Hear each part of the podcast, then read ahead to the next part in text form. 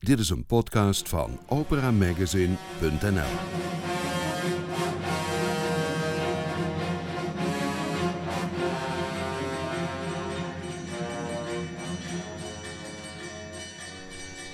Welkom in Studio Nibelheim. Hier hoort u nieuws, achtergronden en interviews over opera en lied.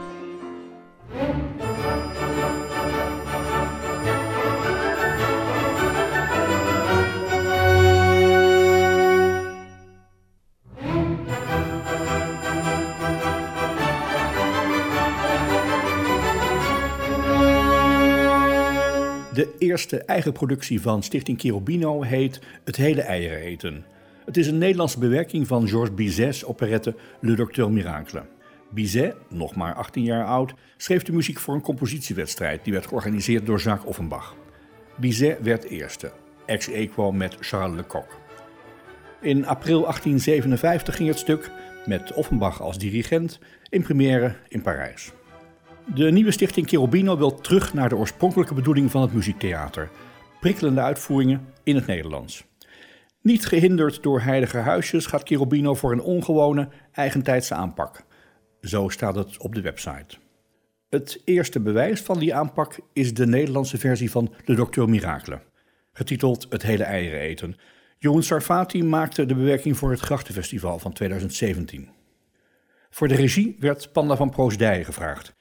Iemand met een eigen opvatting over zang en beweging op het podium. Ik geloof heel erg dat de fysieke ingang een waarachtige manier van spelen uh, brengt. En met name met mensen die geen rasacteurs zijn vanuit hun uh, diepste ontwikkeling en uh, ziel, maar in hun natuur zanger zijn in eerste instantie. Ehm, ja, is mijn ervaring dat door een fysieke ingang te kiezen ik eerder tot die waarachtigheid kan komen. De regisseur en choreograaf ontwikkelde een eigen concept de snelkookoperette. In haar werkwijze spreekt ze de spelers persoonlijk aan op hun rol, hun beweging en op de onderlinge relaties in het verhaal dat gezongen wordt. Ook over de vorm heeft ze uitgesproken ideeën. Ik ben een beetje wars van esthetiek. Uh, iets kan mooi zijn, maar ik wil graag dat iets raakt. En als iets raakt, moet je op zoek naar de lelijkheid, naar de rauwheid, naar de puurheid van iets. En dat vergt iets meer dan opkomen in je aria zingen. Bas Bariton, filosoof en ondernemer Nathan Tax, een van de oprichters van Cherubino en in de voorstelling te zien als de Podesta, de burgemeester, vat het thema van het hele eieren eten zo samen. Deze voorstelling gaat over alles wat het leven te bieden heeft. Lachen en huilen, uh, angst en liefde. En het is meer dan wat het lijkt. De vier zangers en pianist Mark Toxopeus, die er vandaag voor het eerst bij is, hebben veel inbreng in het werkproces. Dat duurt, na een grondige voorbereiding, toch slechts vier dagen. Iedereen is voortdurend betrokken bij het geheel. We keken mee bij een dramaturgische repetitie, waarin wordt gepraat aan tafel en wordt gewerkt op het speelvlak. Komische operetten maken is een serieuze bezigheid. De pauze is voorbij. Iedereen zit om de tafel. Um, volgende dingetje is... We gaan even alle vijf een mindmap maken. En in die mindmap mag je jezelf even als personage centraal op het blaadje zetten. Dus midden, midden in het blaadje, midden op het blaadje zet je je uh, personagenaam. Je staat zelf centraal en daaromheen ga je de personagenamen en de naam pianist uh, plaatsen op je mindmap. Ga je gang. Oké, okay. zijn jullie klaar mee? Ja. ja. En anders gaan we weg. Het hele eieren eten heeft een pianist en ik hoorde Mark Toxopeus, de regisseur, net zeggen dat dat geen pianist wordt die in het donker ergens aan de zijkant zit en muziek zit te maken. Wat voor pianist blijkt je te moeten worden deze middag? Ik blijk een pianist uh, te moeten worden die duidelijk in het spel aanwezig is. En waar er ook enige interactie met de spelers zal, uh, zal zijn. En hoe dat precies vorm wordt gegeven, dat, uh, dat gaan we de komende weken merken, denk ik. Want je bent normaal begeleider, maar hier moet je echt een heel andere rol spelen. Was dat wennen vanmiddag? Ja, uh, ik, had het wel, ik had er wel een beetje op gerekend, want ik ken uh, Panda, de regisseuse, al langer. Dus ik had al wel een vermoeden, maar uh, ja, het is nu even wennen inderdaad dat je ook in het spel een actieve rol moet spelen. Ik hoorde je zelf zeggen dat je de piano voortdurend gaat bewegen op het podium. Is dat echt een reële dreiging die je hebt uitgesproken?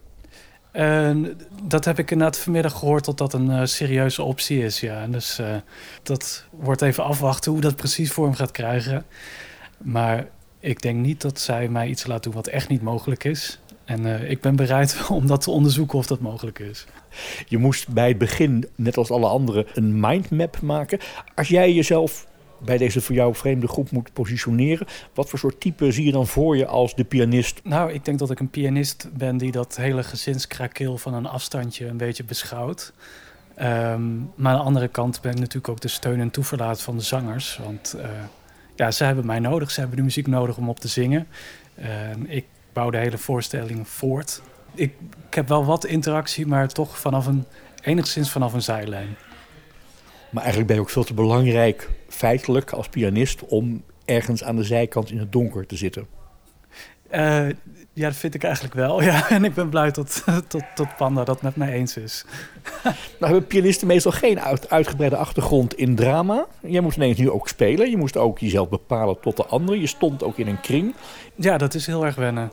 Ja, ik heb inderdaad geen achtergrond in drama. Dus dat, dat, dat wordt echt uh, iets nieuws voor mij.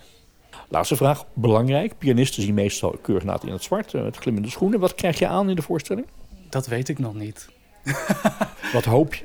Oh, ik vind het best leuk om iets, iets moois aan te trekken. Maar volgens mij heeft wat, Panda aan het begin heeft gezegd, wordt het denk ik toch zwart. Om nog de traditionele rol van de pianist te benadrukken. Maar het is een beetje, ja, het is nog afwachten wat het wordt. Ik krijg in ieder geval geen kostuum aangemeten. Er zijn geen uh, maten van mij genomen. Oh. Jammer? Ja, weet je wel, hè? Ook op dat punt wordt het een echte snelkook-operette, begrijp ik. Ja, inderdaad. Um, wat ik zou willen doen is het volgende. Zouden jullie uit het script een zin willen kiezen waarvan je weet dat je die vocaal kunt produceren zonder te veel opgewarmd te zijn? Want jullie zijn natuurlijk niet ingezongen, lijkt me, uh, in verband met uh, vandaag, de dramaturgische repetitie.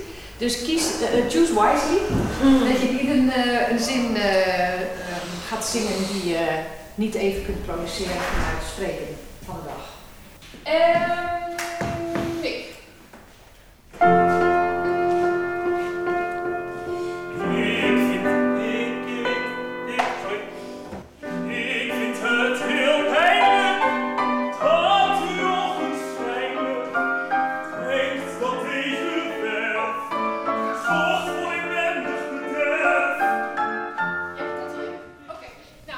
Nick van Kuipers, tenor, een van de vier zangers in deze productie.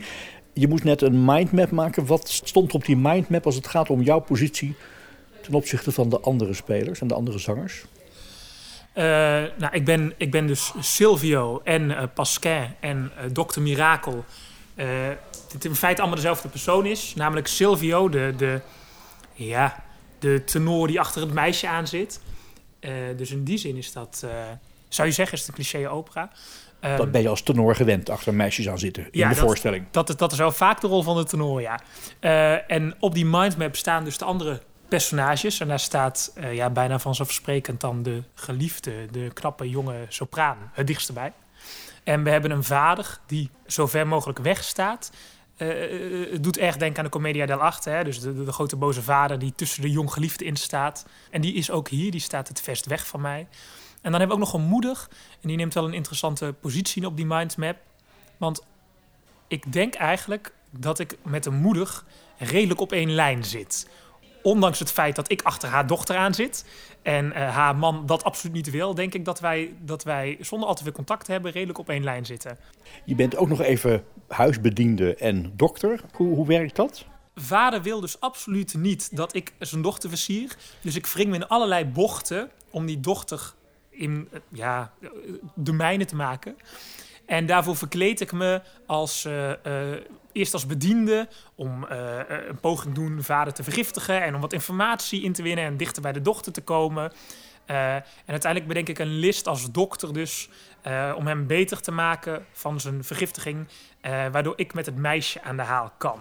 Dus het is, het is ook wel een echte plannetjesmaker die er alles aan doet om zijn doel, in dit geval het meisje, te bereiken. Heb je veel ervaring al met geanceneerde voorstellingen? Eh, ja, ik heb op, op school hebben wij altijd... Ik heb op het Fontes gestudeerd. Op, Hogeschool in Tilburg. Ja, muziektheater klassiek. Eh, waar ze, eh, dat was een nieuwe opleiding waarbij ze spel erg belangrijk vonden. Dus wij moesten altijd zelf voorstellingen maken. Dus op school hebben we altijd veel voorstellingen gedaan. Eh, en daarbuiten heb ik ook een aantal voorstellingen gedaan. Ik speel Onjegen bij de Operafabriek, ook in het Nederlands. Eh, ik heb bij Opera Zuid gezongen, bij Opera Spanga gezongen in het koor. Dus Vorig jaar zat je bij AIDA volgens mij, hè? In Ja. Opera Spanga. ja, klopt. Ehm, gaat het publiek van deze Silvio houden of gaan we hem haten als de gladde minnaar? Nou, ik kan me voorstellen dat alle vaders in het publiek een hekel aan hem hebben. Ik, kan me, ik denk dat ik een vrees, ik hoop dat ik nooit een dochter krijg, want ik zou ook zo'n vreselijke vader zijn. Maar ik denk dat het meeste publiek, ik denk dat je van hem houdt, om zijn, om zijn plannetjes en omdat het van diep van binnen een hele goede, lieve jongen is die eigenlijk gewoon achter een, achter een leuk meisje aan zit. Ik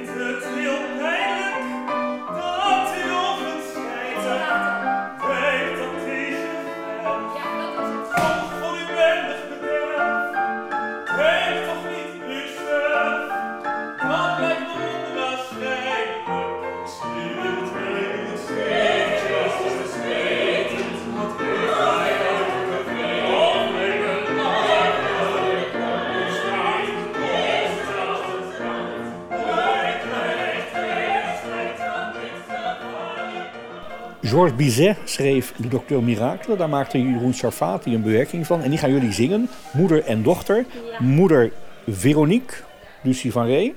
En dochter Lida Straathof, de rol van Lorette. Jij bent ehm, eh, Lida, de vrouw met de wat hogere stem. En jij, eh, Lucie, met de wat lagere stem. Mezzo en sopraan, dat is handig. Dat hou, hou je lekker aan elkaar. Opgeleid alle twee voor klassieke zang. Is operette zingen, is dat heel anders dan opera zingen? Ja, het is altijd wel een beetje. Het, het, is, het is toch weer anders. Het is, ehm, en sowieso, ook omdat het Nederlands is, is het heel belangrijk om heel erg op de tekst te zitten. Omdat we ook echt moeten zorgen dat het verstaanbaar is.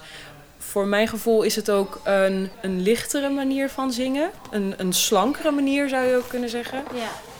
En dan komt inderdaad die articulatie en verstaanbaarheid daar nog bovenop. Dus Lida, hoe is dat voor jou?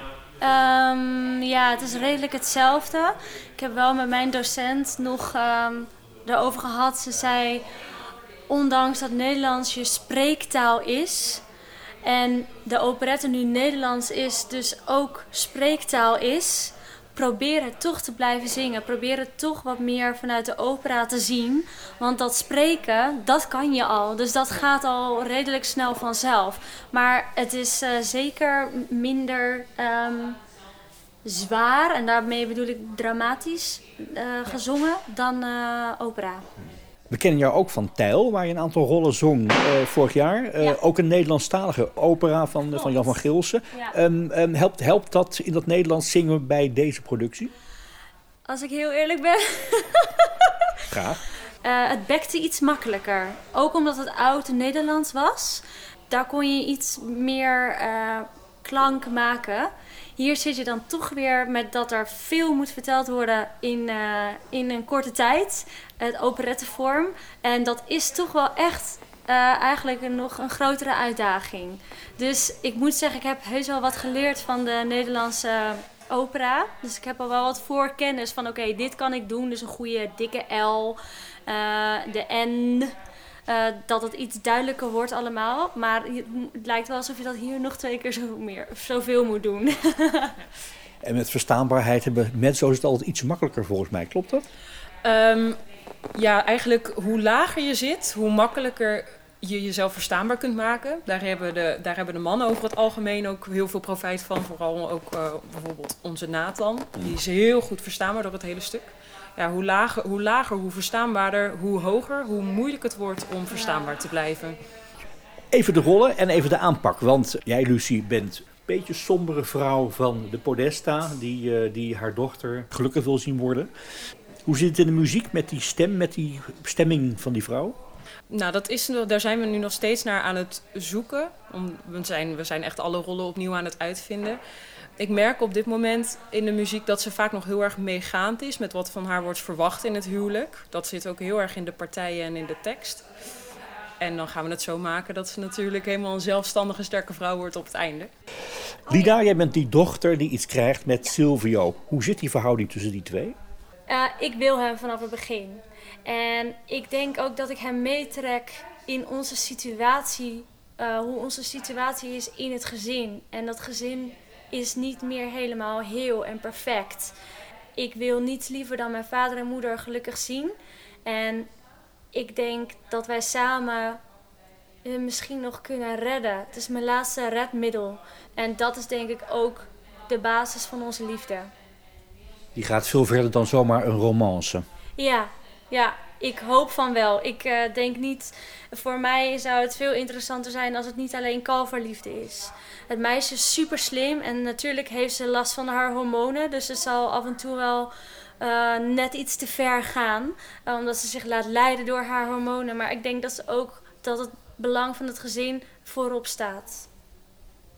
Op allerlei manieren duiken de spelers in hun eigen karakter en hun relatie tot de andere karakters in de voorstelling. Hoe beweeg je als karakter op het podium? Welke motoriek heb je? Daarvoor is een oefening die ook nog leidt tot een bruikbare inval van een van de zangeressen. Um, als jouw personage een dier zou zijn, welk dier ben je dan? En waarom? De allereerste ingeving of wil ik erover nadenken? Uh, wat is je allereerste ingeving? Vos. Oké, okay, nu mag je erover nadenken.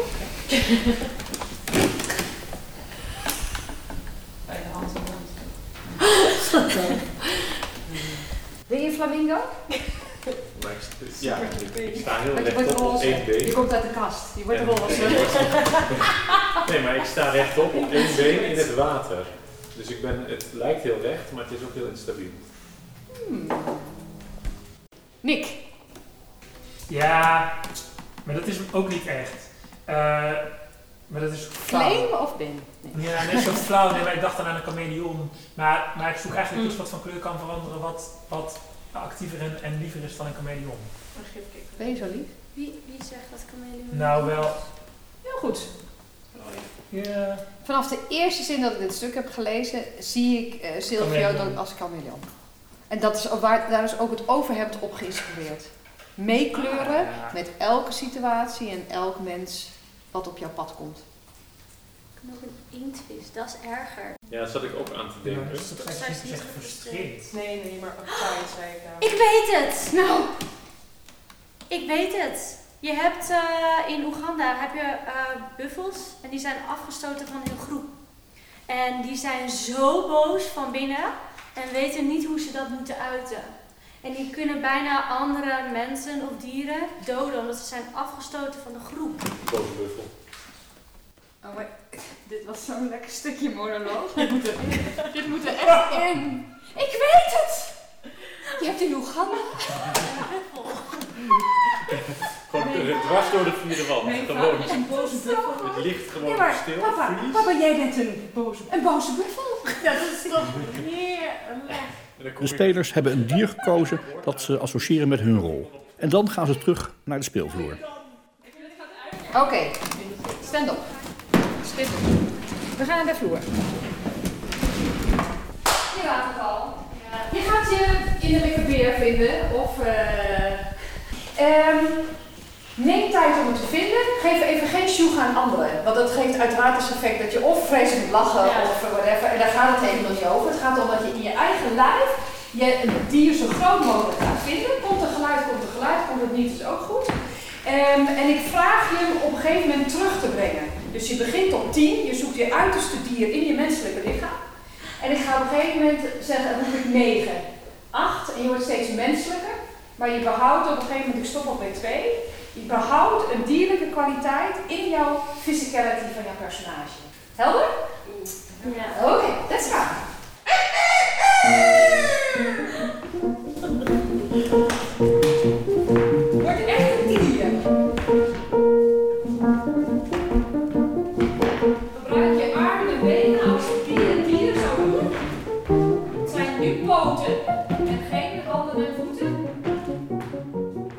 Panda van Proosdij, een concept wat jij hebt ontwikkeld heet de snelkookoperette. Een ei koken duurt ongeveer een minuut of vijf. Um, voor het hele eieren eten, hoeveel kooktijd heb je nodig? Uh, ik heb vier dagen kooktijd. Zo kort. Zo kort maar. En dat is eigenlijk uh, ja, waar het uh, concept vandaan komt natuurlijk, de snelkookoperetten. Um, ik heb dit ontwikkeld bij uh, twee groepen waar ik eerder al operettes heb gemaakt. Die, en die operettes waren vaak langer ook, maar waren ook met amateurs. En dit is met vier profs, vier jonge profs, waar, waar, we, waar, ik deze productie mee mag maken. Um, ik geloof dat daarmee de vier dagen nog steeds genoeg zijn. Maar zoals je ook wel hebt gemerkt vandaag, gaat er veel aan vooraf. Er gaat een heel grondig dramaturgisch onderzoek aan vooraf. Dus laat duidelijk zijn dat ik niet in, in vier dagen met deze mensen het overeind zet. Maar de voorbereiding zorgt ervoor en de ingrediënten dat het koken dus een koud kunstje wordt in die vier dagen. Je hebt een methode die heet Voice and Physics. Ja. Um, het was heel veel stem vandaag, ja, dat hebben we gezien, maar ook heel veel fysiek. Je laat mensen lopen, ze moeten dieren nadoen, ze moeten met hun stem werken.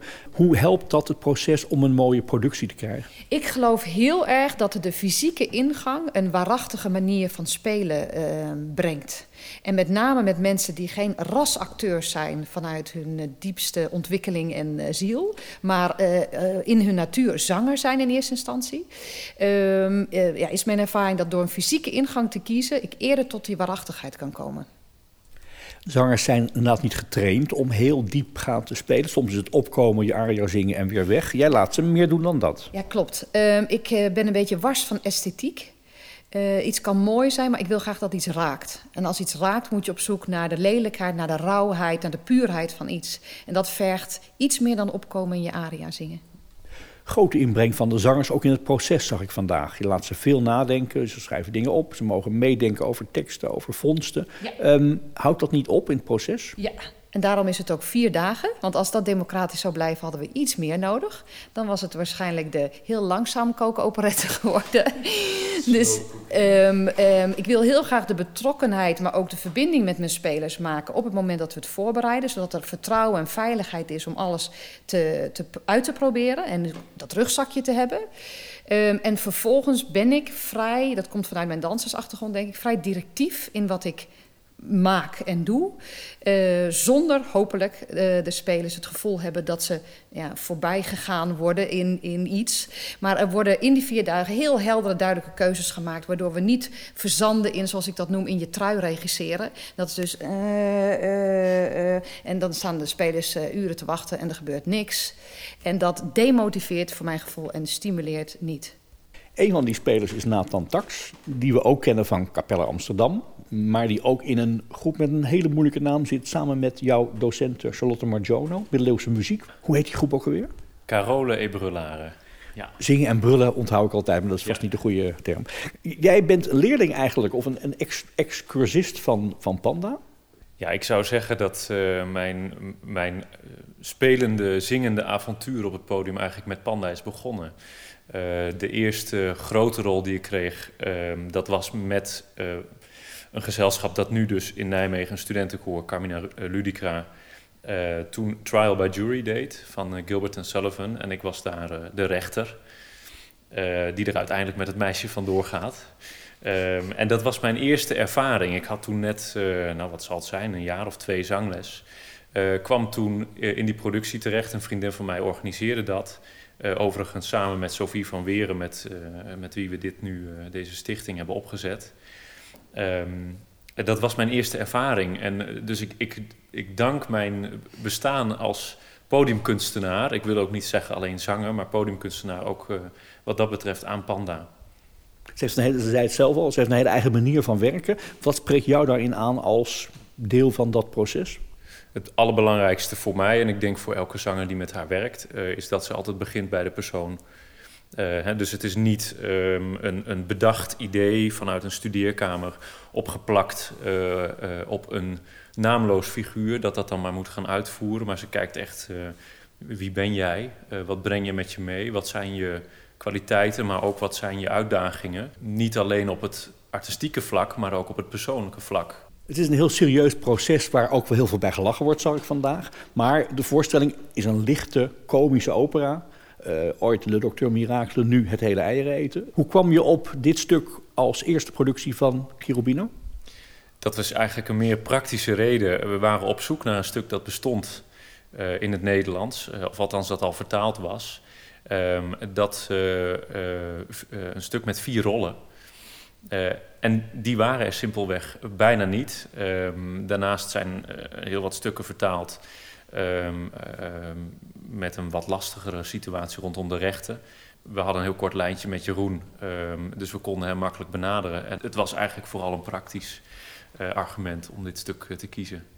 Hij maakte het voor de zomer van 2017 hè, in het Grachtfestival, het Museum van Loon, de Buitenopera. Ja. Toen met vier grote namen, nu met vier andere uitstekende zangers en uh, uitstekende acteurs.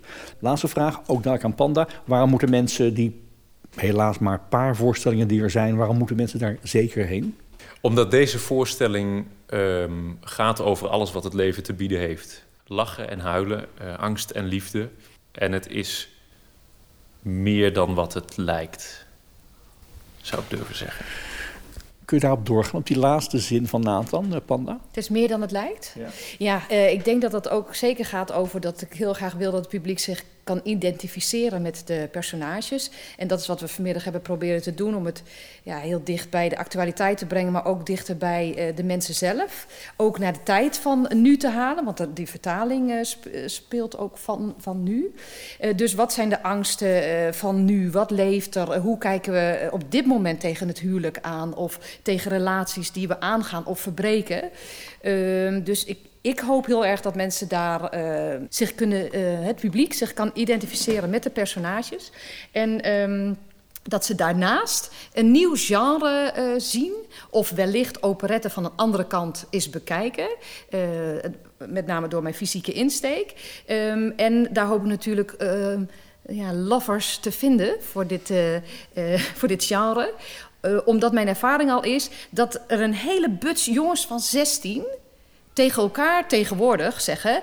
hey, ga je mee naar de operettes? Cool, man. En dat vond ik zo'n zegen in het werken met dit soort materiaal... Eh, dat ik denk, waar we allemaal mee bezig zijn... om iedereen over die drempel van het theater te trekken... is toch het grootste cadeau dat een puber zegt... hey, ga je mee? Dat is cool, man. Moet je zien. De snelkookoperette is op stoom. Een goede stem, creativiteit en heel veel enthousiasme. Eigenlijk is dat het hele eieren eten. Dit was Studio Nibelheim, een podcast van operamagazine.nl. Productie François van den Anker. Kijk voor al het opera nieuws op www.operamagazine.nl.